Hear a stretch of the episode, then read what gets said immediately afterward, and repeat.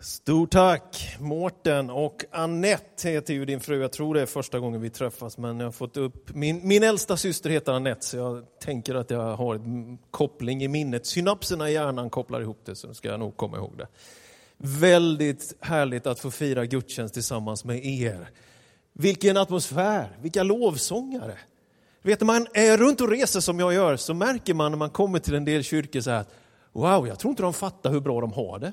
Och så tänker jag att en del av er inte fattar hur bra ni har det i era kyrka. Man blir lite hemmablind ibland.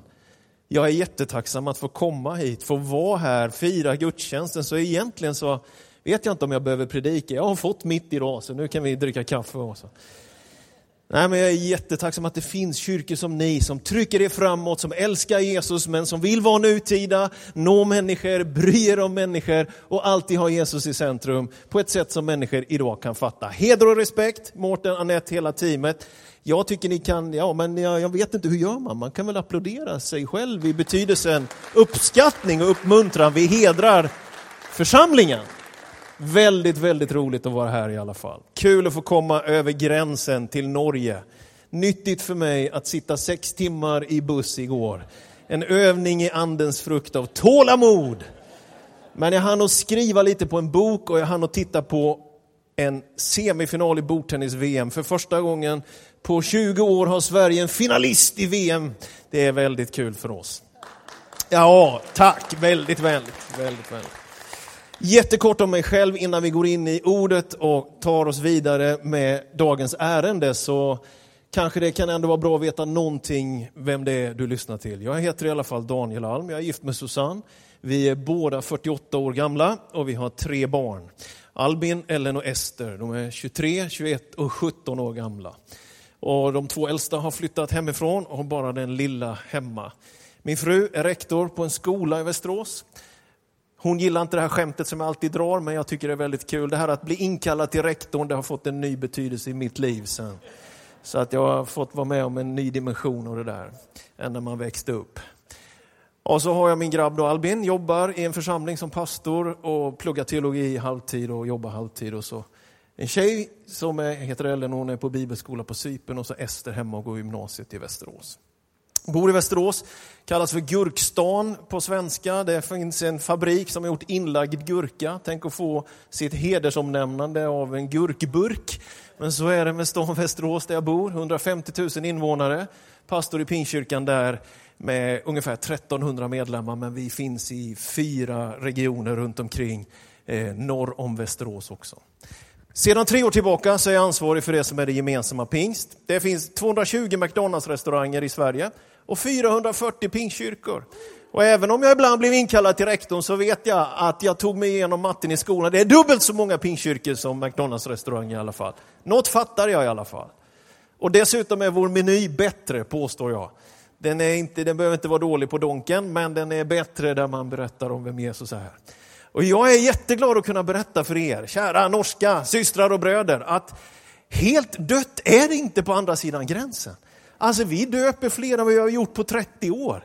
Våra kyrkor liksom blomstrar, nya kyrkor. I mars öppnades tre nya pingkyrkor i Sverige.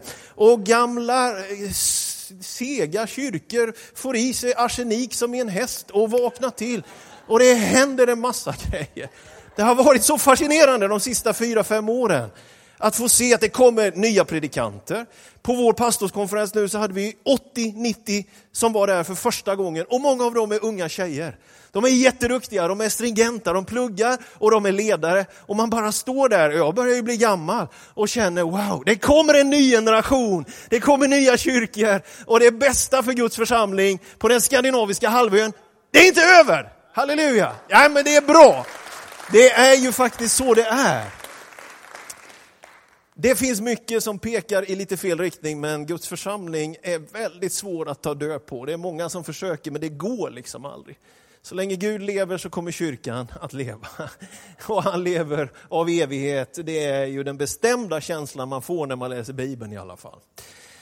Hörrni, jag är här idag för att läsa tre versar från Apostlagärningarna, lyfta in perspektivet som har med tiden mellan påsk och pingst att göra och säga någonting som också kan ha någonting med vår kultur att göra, men också då vad det innebär att vara en karismatisk, som betyder det nåden ger, eller en pingstkyrka, en kyrka som betonar den heliga andes verk och liv idag och i relationen till vem Jesus är. Så jag läser tre verser, Apostlagärningarna 1, från vers 6 till 8. Jag får ju läsa på svenska, men jag hoppas ni får texten på ett, ett vackrare språk på skärmarna här. Läser ni tro på Guds ord i Jesu namn. De som hade samlats frågade honom, Herre, är tiden nu inne då du skall återupprätta Israel som kungarike? Han svarade, det är inte er sak att veta vilka tider och stunder Fadern i sin makt har fastställt. Men ni ska få kraft när den helige Ande kommer över er och ni ska vittna om mig i Jerusalem och i hela Judeen och Samarien och ända till jordens yttersta gräns. Amen. Det här läget är mellan påsk och pingst. Kristi himmelsfärdsdag, 40 dagar efter påsken, 10 dagar före pingsten, så har Jesus ett samtal med sina närmaste. De har levt med honom i tre år, drygt tre år. De har ätit med honom, de har rest med honom. De har varit på en mängd olika platser. De har lyssnat till honom. De har hört en undervisning som de aldrig hade hört förut. De har sett honom stilla stormar, de har sett honom få lama att börja gå, döva att höra och blinda att se. De har till och med varit med utanför stadsporten i Nain när änkans son väcktes upp, eller i Betania när Jesus sa Lazarus kom ut och han kom ut. De har varit med om en massa fantastiska mirakler. Men i det här läget så frågar de ändå, är det dags nu Jesus? Man kan ju tycka det är en märklig fråga från ett gäng som har sett att det är någonting alldeles unikt med den här mannen. Är det dags nu? De har ju varit med henne. Några bröd och fiskar räckte till tusentals människor. De hade ju varit med och sett det ena efter det andra, ja till och med hans egen död och uppståndelse. Ändå så frågar de, men är det inte dags nu? Och man kan ju tycka att det verkar som en otacksam fråga när man fått värsta brakmiddagen och inte ens säga tack för maten. Man kan ju tycka att det känns som en slags arrogant hållning. Men om man lite grann zoomar in den vardagliga utmaningen den här gruppen levde i, så kanske man kan börja förstå frågan ändå. Det här är ett folk som har varit under ockupation i 700 år. 722 f.Kr. så faller det norra Israel i assyriernas händer. Det där är början på en lång räcka av ockupanter. Assyrier kommer efter babylonier, sen kommer perser, greker och vid den här tiden så är judafolket under romersk ockupation. Och som om inte eländet räcker så har romarna här gått in i en slags pakt med en rik snubbe som har en hel dynasti, som älskar att bygga fantastiska monument och gör allt han kan för att hålla sig kvar på makten själv. Han heter Herodes. Han är rikare än kejsaren vid det här tillfället och han huserar där i Jerusalem. Han bygger Masada-klippan, Herodion, hela stan Caesarea och till och med ett tempel. Inte för att han älskar Gud, utan för att han är schackspelare som ser till att hålla sig kvar på makten och att opinionssiffrorna inte går allt för dåligt. Så det här folket som lärjungarna är en del utav, det kokar under ytan, man har varit under ockupation, så man minns inte ens, vad är frihet egentligen? Man har någon slags diffust minne av frihet. Man sjunger som det står i psalm 137, att vi var som, by the, ja, ni, kommer ni ihåg Bonnie M? By the rivers of Babylon, where we sat down, oh yeah we wept. Liksom. Man hängde upp sina harpor i träden. Ingen skrev nya sånger, kreativiteten var på en lägsta nivå och man på något sätt flämtade efter någon slags frihetskänsla. Och så kommer Jesus. Och han talar som ingen annan. Och hans ögon och hans blick är den varmaste du kan tänka dig. Han botar de sjuka och han gör mirakel efter mirakel. Han är komplett orädd och det finns något härligt och fantastiskt över honom, så det är klart att här väcks ett hopp. Och om det inte hade varit nog med detta politiska och militära förtryck, så finns det även ett religiöst förtryck. Söndagen före påsk, palmsöndagen, så går Jesus bärsärk på, går runt på tempelområdet och välter borden och duvorna flyger upp emot Jerusalems himmel. Och Jesus säger att ni har gjort mitt hus till ett rövarnäste, men det skall kallas ett bönens hus för alla folk. Det räcker inte med ett korrupt politiskt ledarskap. Det religiösa ledarskapet är minst lika korrupta. När folk har vandrat i flera dagar, tre gånger per år skulle man bege sig till Jerusalem om man kunde.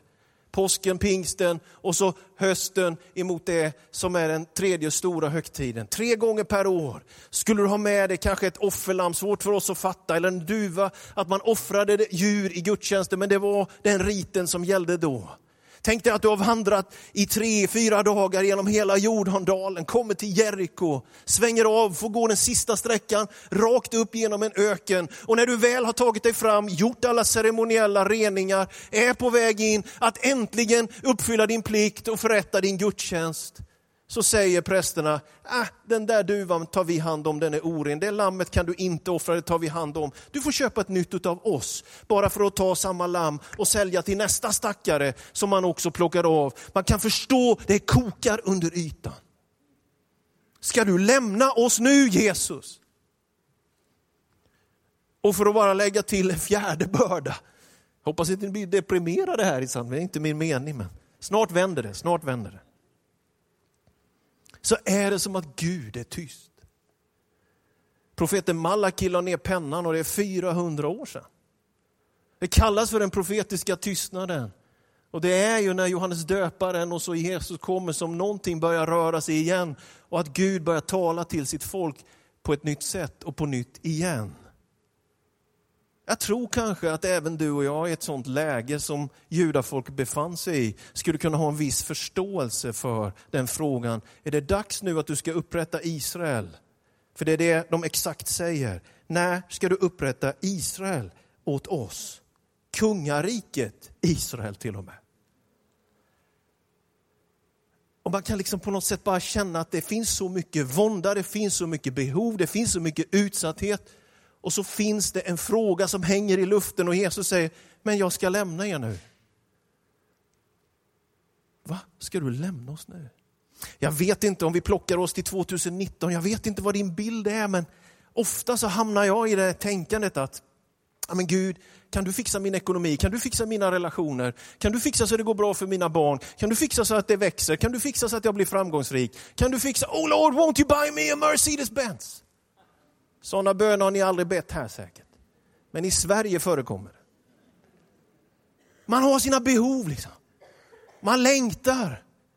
Den som är sjuk vill bli frisk, den som inte kan sova på nätterna vill sova, den som är ensam vill få vänner. Det är ju högst legitima önskemål vi har.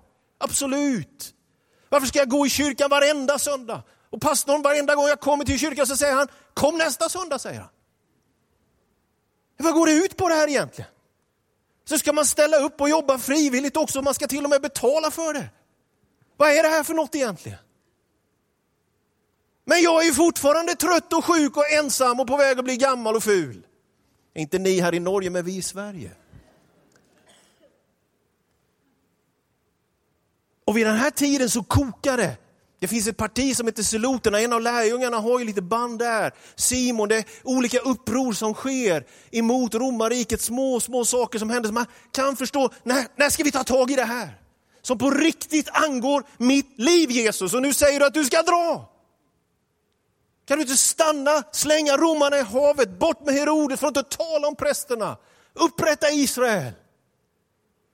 Men det är ju det han säger på palmsöndagen som är själva hemligheten. Mitt hus ska kallas ett bönens hus för alla folk. Det är närmast skandalösa med nåden och med korset och med påsken. Det är ju att han ger sitt liv för de som spikar fast honom. Hans hjärta går ut för judar men också för romare. Han vill att Herodes ska bli frälst. Han vill att riket ska etableras som ett annorlunda rike än ett rike som regerar med pengar, med inflytande, med politisk makt eller med religiösa traditioner. Det är ett annorlunda rike som är Guds rike. Och han vet ju det och han bär ju det inom sig, men lärjungarna har så svårt att fatta det. Och man kan förstå dem.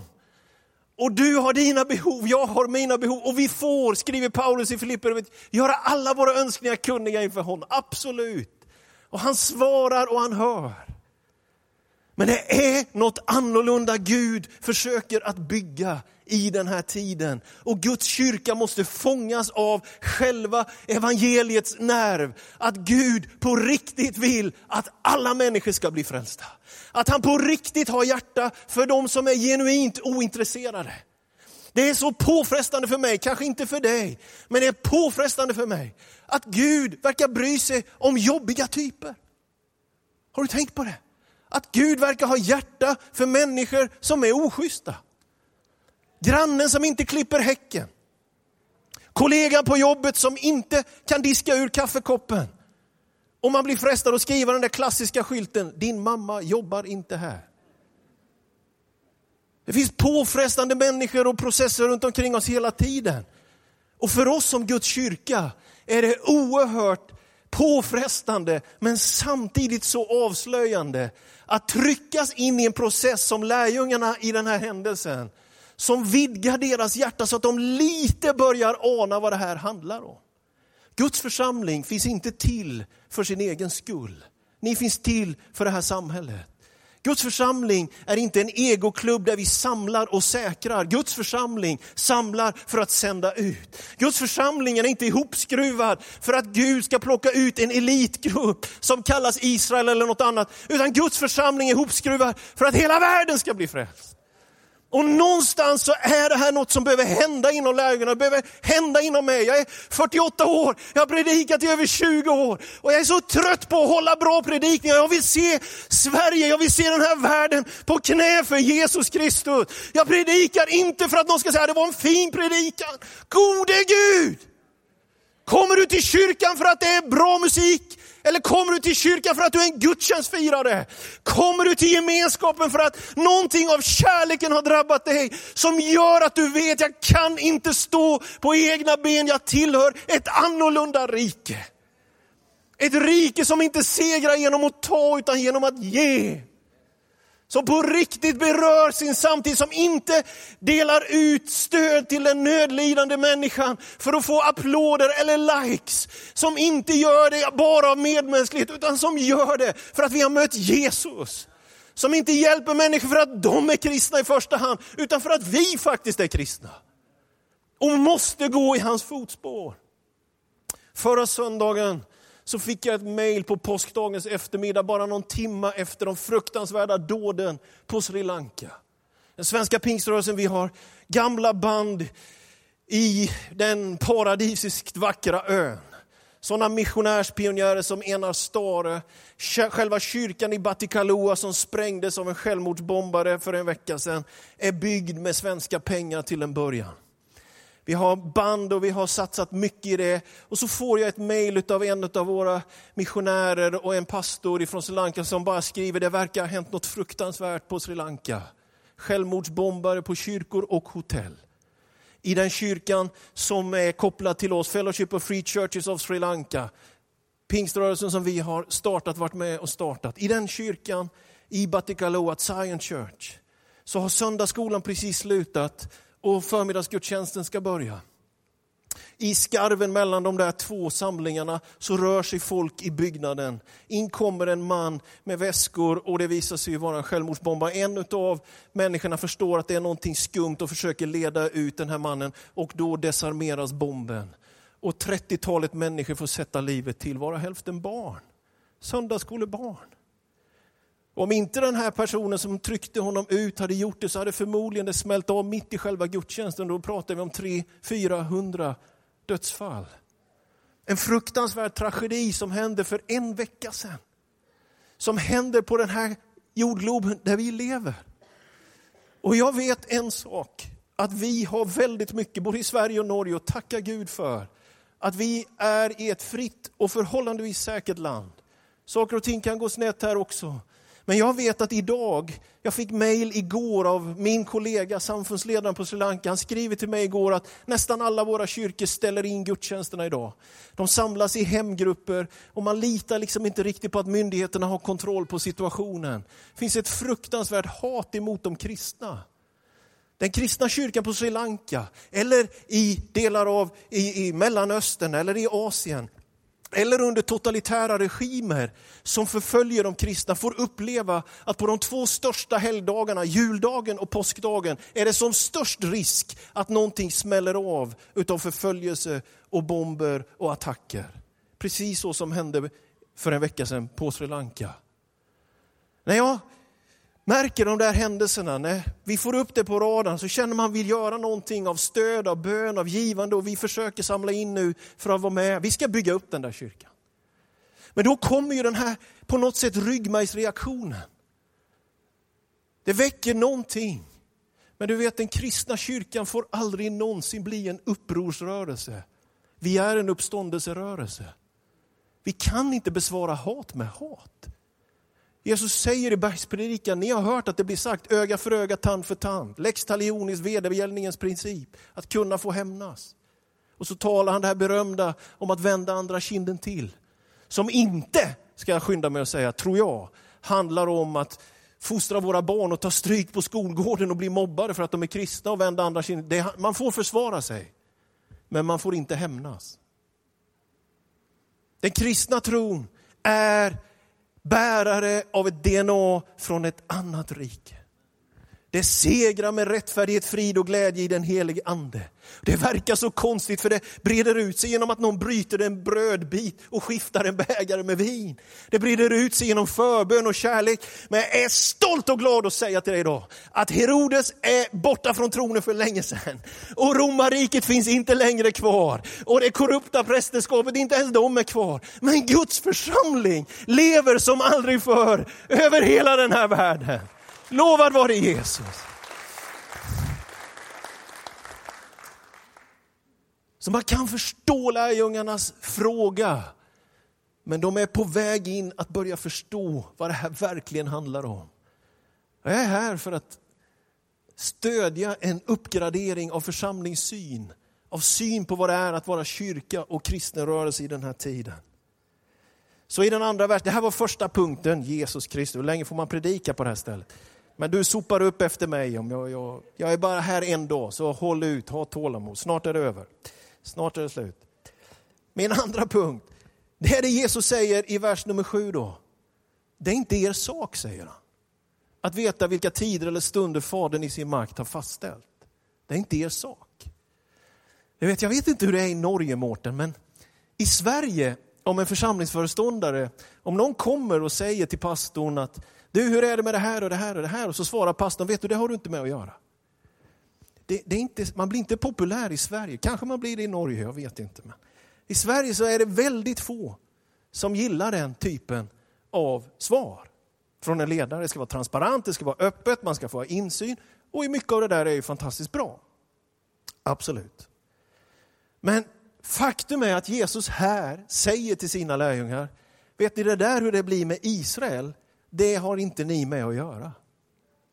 Den tider och stunder, han pratar inte om kalendern, han pratar om skiften, kairos, skeenden. Det ligger i Faderns händer. Det ska ni släppa. Och det här är också en sån enorm utmaning för oss som lever i den här delen av världen. Vi är fostrade och präglade att ha insyn, att veta, att kontrollera, att ha våra Excel-ark. Jag bor i Västerås, där finns ABB, har massor med ingenjörer i kyrkan och de älskar Excel, hela bunten. Och vi, är liksom in, vi ska veta, vi ska kontrollera, för om vi inte får veta, om vi inte har kontroll, om inte jag vet, nej men då, då förhåller jag mig skeptisk. Då är jag inte med. Men den kristna tron utmanar ditt och mitt kontrollsinne och vädjar till oss att lita på Gud. När du inte förstår, när du inte kan bestämma, när du inte har full insyn, vad är då vårt gensvar?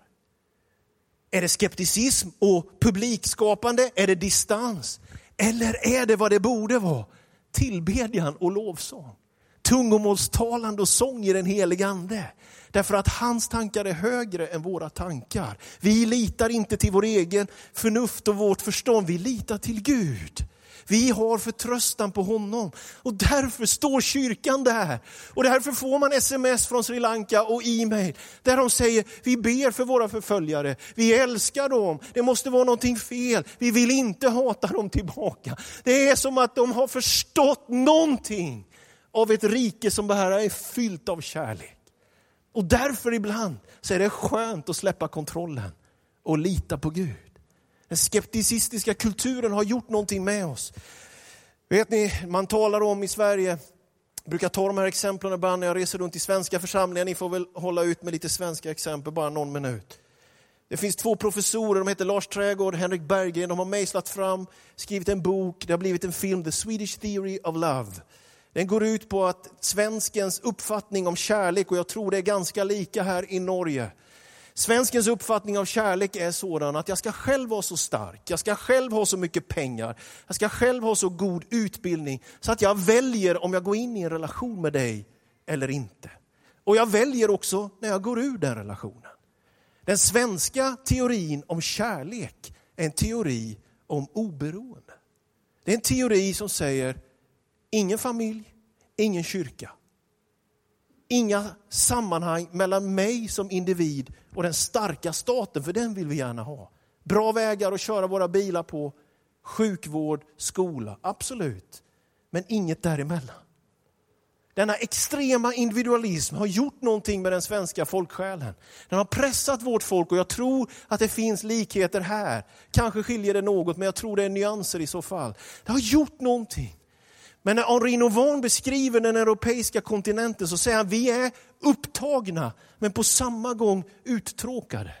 Jag möter en människokropp eller en kultur i Sverige av människor som har det så bra men är så ensamma.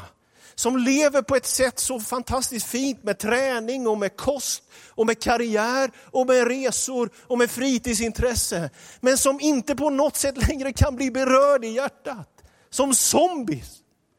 Och ibland möter jag det bland kristna som tittar på. Liksom. Och man tror att man lyssnar på ett föredrag när man lyssnar på en predikan, men predikan har sin funktion i ett gensvar, i ett amen, i en, i en församling. Den uppstår i en gemenskap. Det är inte ett, ett talk, ett speech, utan det är ett uttryck för Guds ords tilltal in i nuet. Och det bärs i en kropp. Och det finns någonting så fantastiskt över detta. Kyrkan har som en av sina uppgifter att påminna dig om att glömma bort dig själv. Att inte alltid be för dig själv, fast du får göra det. Utan låta dig beröras av nöden, av det utsatta, av kampen som finns i det som ligger där utanför. En fungerande varm kyrka är framtidens främsta evangelist, tänker jag. Där dörren är öppen, där lampan lyser, där man får komma, där man kan få en ny chans. Jag tror inte på en kyrka som tvättar sina händer och förfasar sig över hur hemskt det är. Jag tror inte att det är det samtalet Jesus har med sina lärjungar leder fram till. Utan de var beredda att ge sina liv för att så många som möjligt skulle få del av hans frälsning. Så älskade vän som lyssnar till den här predikan. Ibland är det skönt att få släppa taget och kontrollen om det som bara Gud kan kontrollera. Han har skiftena i sin hand. Om det smäller, om det krånglar, låt oss förtrösta på den allsmäktige och den evige som har allting i sin mäktiga hand. Amen. Och så vänder det då, så säger Jesus till slut, eller i det här textavsnittet, men ni, så kommer det till dem. Vad är då vår grej? Ni ska få kraft när den helige ande kommer över er och ni ska bli mina vittnen. Kan du se, det är en väldigt tydlig process i de här tre verserna. Först har de sin förväntan på vad han borde göra. Sen tar Jesus över på något sätt kontrollen och säger det ligger i Faderns hand. Men så kommer någonting tillbaka till dem. Och det är kraft av den helige ande att vara ett vittne för Jesus Kristus. Vi svenska pingstvänner, vi bugar och tackar för den. Pingstväckelsen kom ju till Sverige genom Norge. Kom ju genom en norsk metodistpastor, T.B. Barrett. Han beger sig till USA och samlar in pengar till en kyrka här i Oslo. Christiania tror jag det hette vid den tiden. Han misslyckas med att samla in pengar, men han kommer i kontakt med den tidiga pingstväckelsen. Vad är den tidiga pingstväckelsen? Jo, men det är en grupp människor som samlas i bön. De kommer från olika samfund och de börjar läsa just den här boken, Apostlagärningarna. De samlas på Bonnie Bray Street i Los Angeles. De samlas sen på 320 Azusa Street. De flyttar över och det sprider sig. Topeka, Kansas, Kansas, Hot Springs, Alabama, Springfield, Missouri. Massa ställen och det här sprider sig. Och vad man gör är att man börjar ställa frågor till Gud i bön. Det är det här vi läser. Där. Skulle det kunna hända här?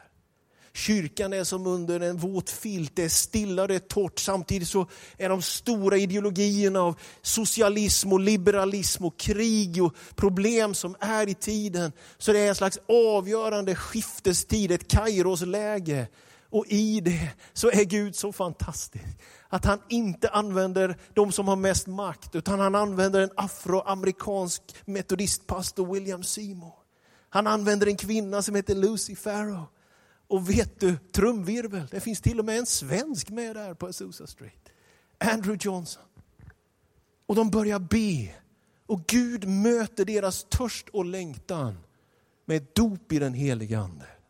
Och direkt ger man sig ut. Man sänder människor. Våra församlingar när de startades i Sverige, så före man anställde en föreståndare, en pastor, så skickade man sina missionärer. Och man skickade inte problemmänniskorna för att bli av med dem, utan man skickade de bästa man hade. Det fanns någonting fantastiskt över det där som jag tänker att vi behöver uppleva för vår tid, på ett modernt sätt, i vår kultur. Men Gud kommer ge oss helig ande för den här världens skull.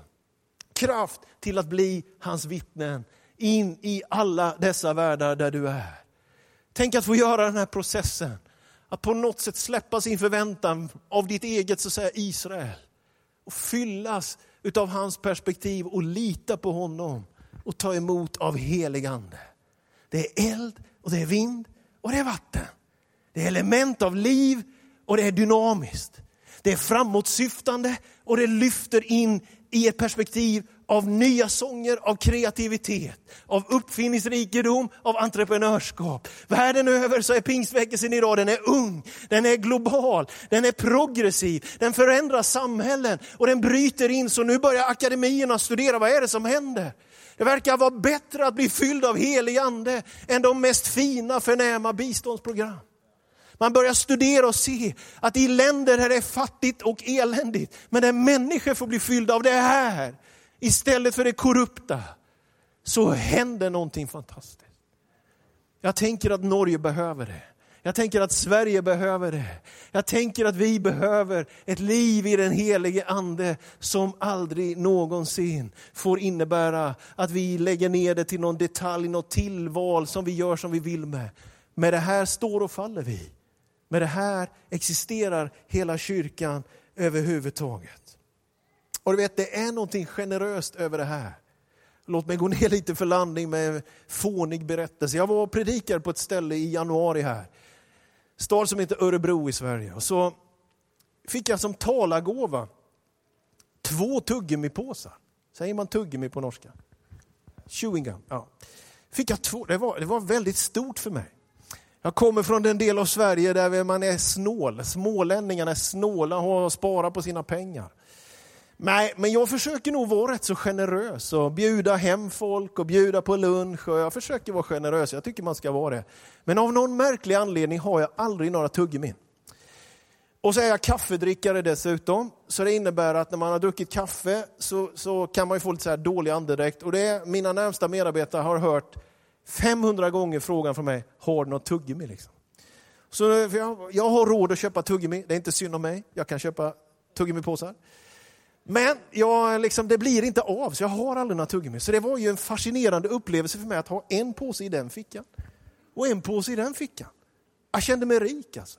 Jag kände att jag har resurser. Jag kände att livet är enkelt. Jag kände att det liksom går bra nu. Liksom. Jag kände mig lite stärkt så här. Va? Så jag kommer till vår pastorskonferens, Pingstpastor här i januari, och jag har två tuggummipåsar med mig. Så jag går runt, särskilt till mina egna medarbetare och säger, kanske du vill ha ett tuggummi? Kanske du vill ha ett tuggummi? Det känns, det känns väldigt bra. Va? Till slut är det ju en av dem som tar mod till sig och frågar, Daniel, tycker du att jag luktar illa? Är det en som frågar till slut. Ja, vad vill jag nu säga med detta? Evangeliet kom till mig på sin väg till någon annan. Den helige andes eld är någonting som tänder mig för att tända någon annan. Var rädd om elden. Var rädd om liksom gåvan du har fått. Dela den vidare. Var rädd om det. Låt den inte få slockna. Har du blivit den som tittar på när du skulle vara med och kämpa i frontlinjen? Har du blivit rädd och kontrollerande när du behövde lita på Gud? Idag vill Jesus fylla dig med helig ande. Idag vill han ge dig någonting, men han kommer inte att ge det för att du ska få en kick, utan för att den här världen blöder och behöver en varm, brinnande, innerlig, dynamisk, framtidsinriktad kyrka som säger Gud älskar dig. Ska vi stå upp tillsammans och välkomna fram gänget här? Så vill jag ha en stund av bön och så är vi tillsammans inför Gud och får han göra ett verk i oss. Tack Jesus, jag tackar dig Herre för att du är här just nu. Prisa dig för din närvaro. Jag tackar dig för din helige Andes kommande på pingstdagen. Att du gav detta liv. Att det inte handlar om att kunna och förstå utan det var ett element av liv, en eldsflamma, ett dån av en stormvind. Att det fanns någonting som berörde. Tack att du är här just nu och jag ber att du ska beröra oss Herre med det som är ditt eget liv Herre. Prisad vare du Gud. Lovad vare du, vi upphöjer dig nu och för alltid Herre, så är du värd församlingens kärlek, du är värd församlingens lovsång. Du är värd församlingens tillbedjan. Vi älskar dig Herre. Vi tackar dig för att du har gett oss din kärlek Herre, men vi anar någonstans, fattar någonstans att du vill att vi ska göra något med den också. Herre. Och därför så tackar jag dig för att du vill fylla oss med helig ande som är troende för att kunna sprida kärlek till så många som möjligt. Men jag tackar dig också för att du är här för att frälsa den som ännu inte har fattat sitt beslut om att tro på dig. Prisa dig för det Herre. Jag lovar dig, jag tackar dig. Jag vill ställa två frågor den här söndag förmiddagen här. Vi kan ha våra ögon slutna över hela salen här. Så kommer den första frågan. Om du vill lämna över nycklarna till ditt liv till Jesus Kristus. Om du har kommit liksom till vägs ände till slutstationen för att fixa allt själv. Och du inser att jag behöver Gud i mitt liv, jag behöver förlåtelse, jag behöver något att leva av och leva för. Så med alla ögon slutna i rummet så ställer jag frågan till dig som vill ta emot honom nu, så kan du räcka din hand just nu. Och du gör det inte till mig i första hand, utan du gör det till Gud. Jag känner ju väldigt få här och därför så känner jag det som mitt ansvar att ställa den frågan. Halleluja. Du gör det inför Gud, gör det nu, gör det nu. Jag har sett en, jag tror att jag har sett två händer. Men det viktigaste är vad du gör, det beslut du fattar. Är det någon mer så, bara i ditt hjärta, sträck dig mot honom. Han tar emot dig, han älskar dig. Han vill allt det goda i ditt liv. Jesus, jag tackar dig för de som med hjärtat vänder sig till dig just nu. Som lyfter blicken till himlen och säger, Gud jag fixar inte det här själv, jag vill inte längre själv ta hand om mitt liv. Gud, jag tackar dig för den glädje som finns, änglarna som dansar, kärleken som sprids. Jesus, jag tackar dig för det här, att det här får vara ett rum av heliga beslut, ett rum där du gör stora saker, Herre. Tackar dig för att människor kommer till tro en söndag som denna, Herre. Tack att din kärlek går ut, Herre, i det här rummet också, att beslutet, vårt hjärtas överlåtelse får vara till dig, Herre. Jesus, jag tackar dig att du låter den här nyfödda tron få näring, att den får beskyddas. Få vänskap och tillhörighet och relationer. Gud, jag prisar dig. Jag lovar dig, Herre. Jag tackar dig. Amen, amen. Jag uppmuntrar dig som tar ett sådant beslut att kontakta pastorer eller välkomstcenter, vad nu det finns för funktioner här. Min andra fråga av två frågor det är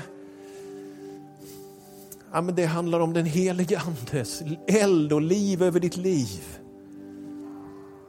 Det handlar kanske om att inse och överlåta sig till att ja, men på något sätt ändå inse hur oerhört lätt det är i den här delen av världen att man fixar det själv. Liksom. Och man har någon slags beställningslista vad Gud borde göra och kanske vad kyrkan borde göra. Och jag vill bara stå här och säga att jag blev fri när jag gav upp väldigt mycket av mina egna ambitioner. förutfattade meningar. Jag blev fri att prisa Gud när jag på något sätt släppte mina åsikter. Och jag upptäckte att han ville inget annat än att fylla mig med heligande. Och han har inga favoriter som han behandlar extra väl eller några som han vill behandla extra illa. Utan han ger heligande åt alla de som ber honom. Alla i det här rummet kan prata med bönespråket, tala i nya tungor. För du har ett talorgan, du kan öppna din mun och du kan tala och det kommer ske här idag. Miraklet är inte att du öppnar din mun, det står i Apostlagärningarna 2 att de började tala med de ord som anden ingav dem att tala. Man blir aldrig besatt av helig ande, man blir uppfylld av helig ande. Du fattar själv beslutet, du börjar tala, viska, ropa, ljudvolymen är ointressant. Men du öppnar din mun och det kommer ett flöde och så händer det här. Det växer frukter när vi vandrar med den helige Ande av kärlek, glädje, frid, tålamod, vänlighet, ödmjukhet, mildhet, självbehärskning. Anden delar ut gåvor som är församlingens verktygslåda. Anden delar ut gåvor av profetia, av kraftgärning, av visdom, av gästfrihet. En mängd gåvor. Anden delar ut ledargåvor, apostlar, profeter, herdar, evangelister och lärare. Så kyrkan blir frambrytande, den har något att säga, den når sin samtid med evangelium, den tar hand om människor och den förankrar i tron. Ja, vi behöver den helige Ande. Bort ifrån den egna beställningslistan till förtröstan på en Gud som vet vad han gör. Och han vill ge dig helig ande. Och därför så är min andra fråga, vill du börja tala i tungor för första gången eller på nytt igen? Vill du ta emot mer av helig ande? Låta någonting på något sätt skölja över dig. Av eld, vind, vatten. Så inte till mig, återigen, det är ointressant. Men till Gud, så räck din hand just nu som ett uttryck för din törst, din hunger och att du riktar din längtan till honom den här förmiddagen. Gud ser alla händer som räckes upp just nu. Jag tror att det skulle vara flera också.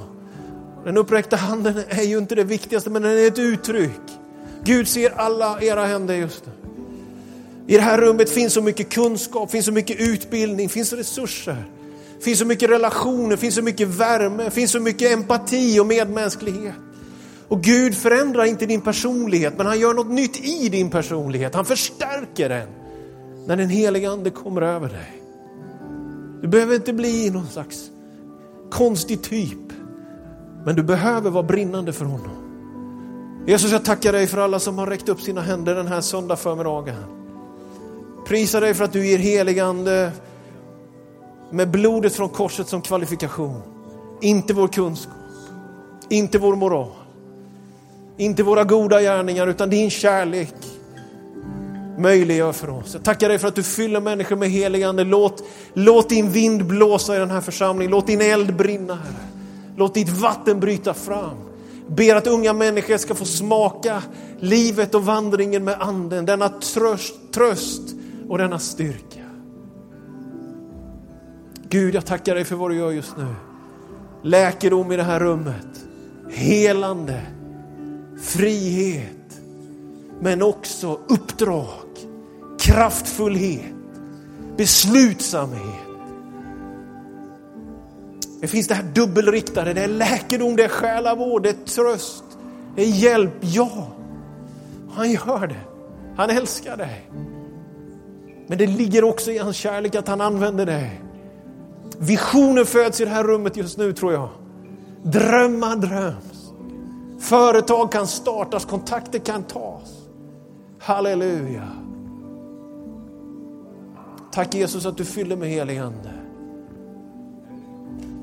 Och det finns så många dimensioner utav detta och bönespråket är bara ett. Använd det. Gör det nu. Gör det nu. Låt det porla fram, låt det flöda fram, låt det finnas där. Detta kodade himmelska språk, friskt och rent hemligheter med Gud. När vi inte vet hur vi ska be och hjälper den helige Ande dig. Låt det få finnas, låt det få komma. Halleluja, över hela kyrkan. Prisa honom, älska honom. Uttryck din kärlek till honom. Drick djupt av anden. Låt det fyllas av ett annorlunda rikes perspektiv. Han älskar dig. Du kan lita på honom. Gud välsigne dig.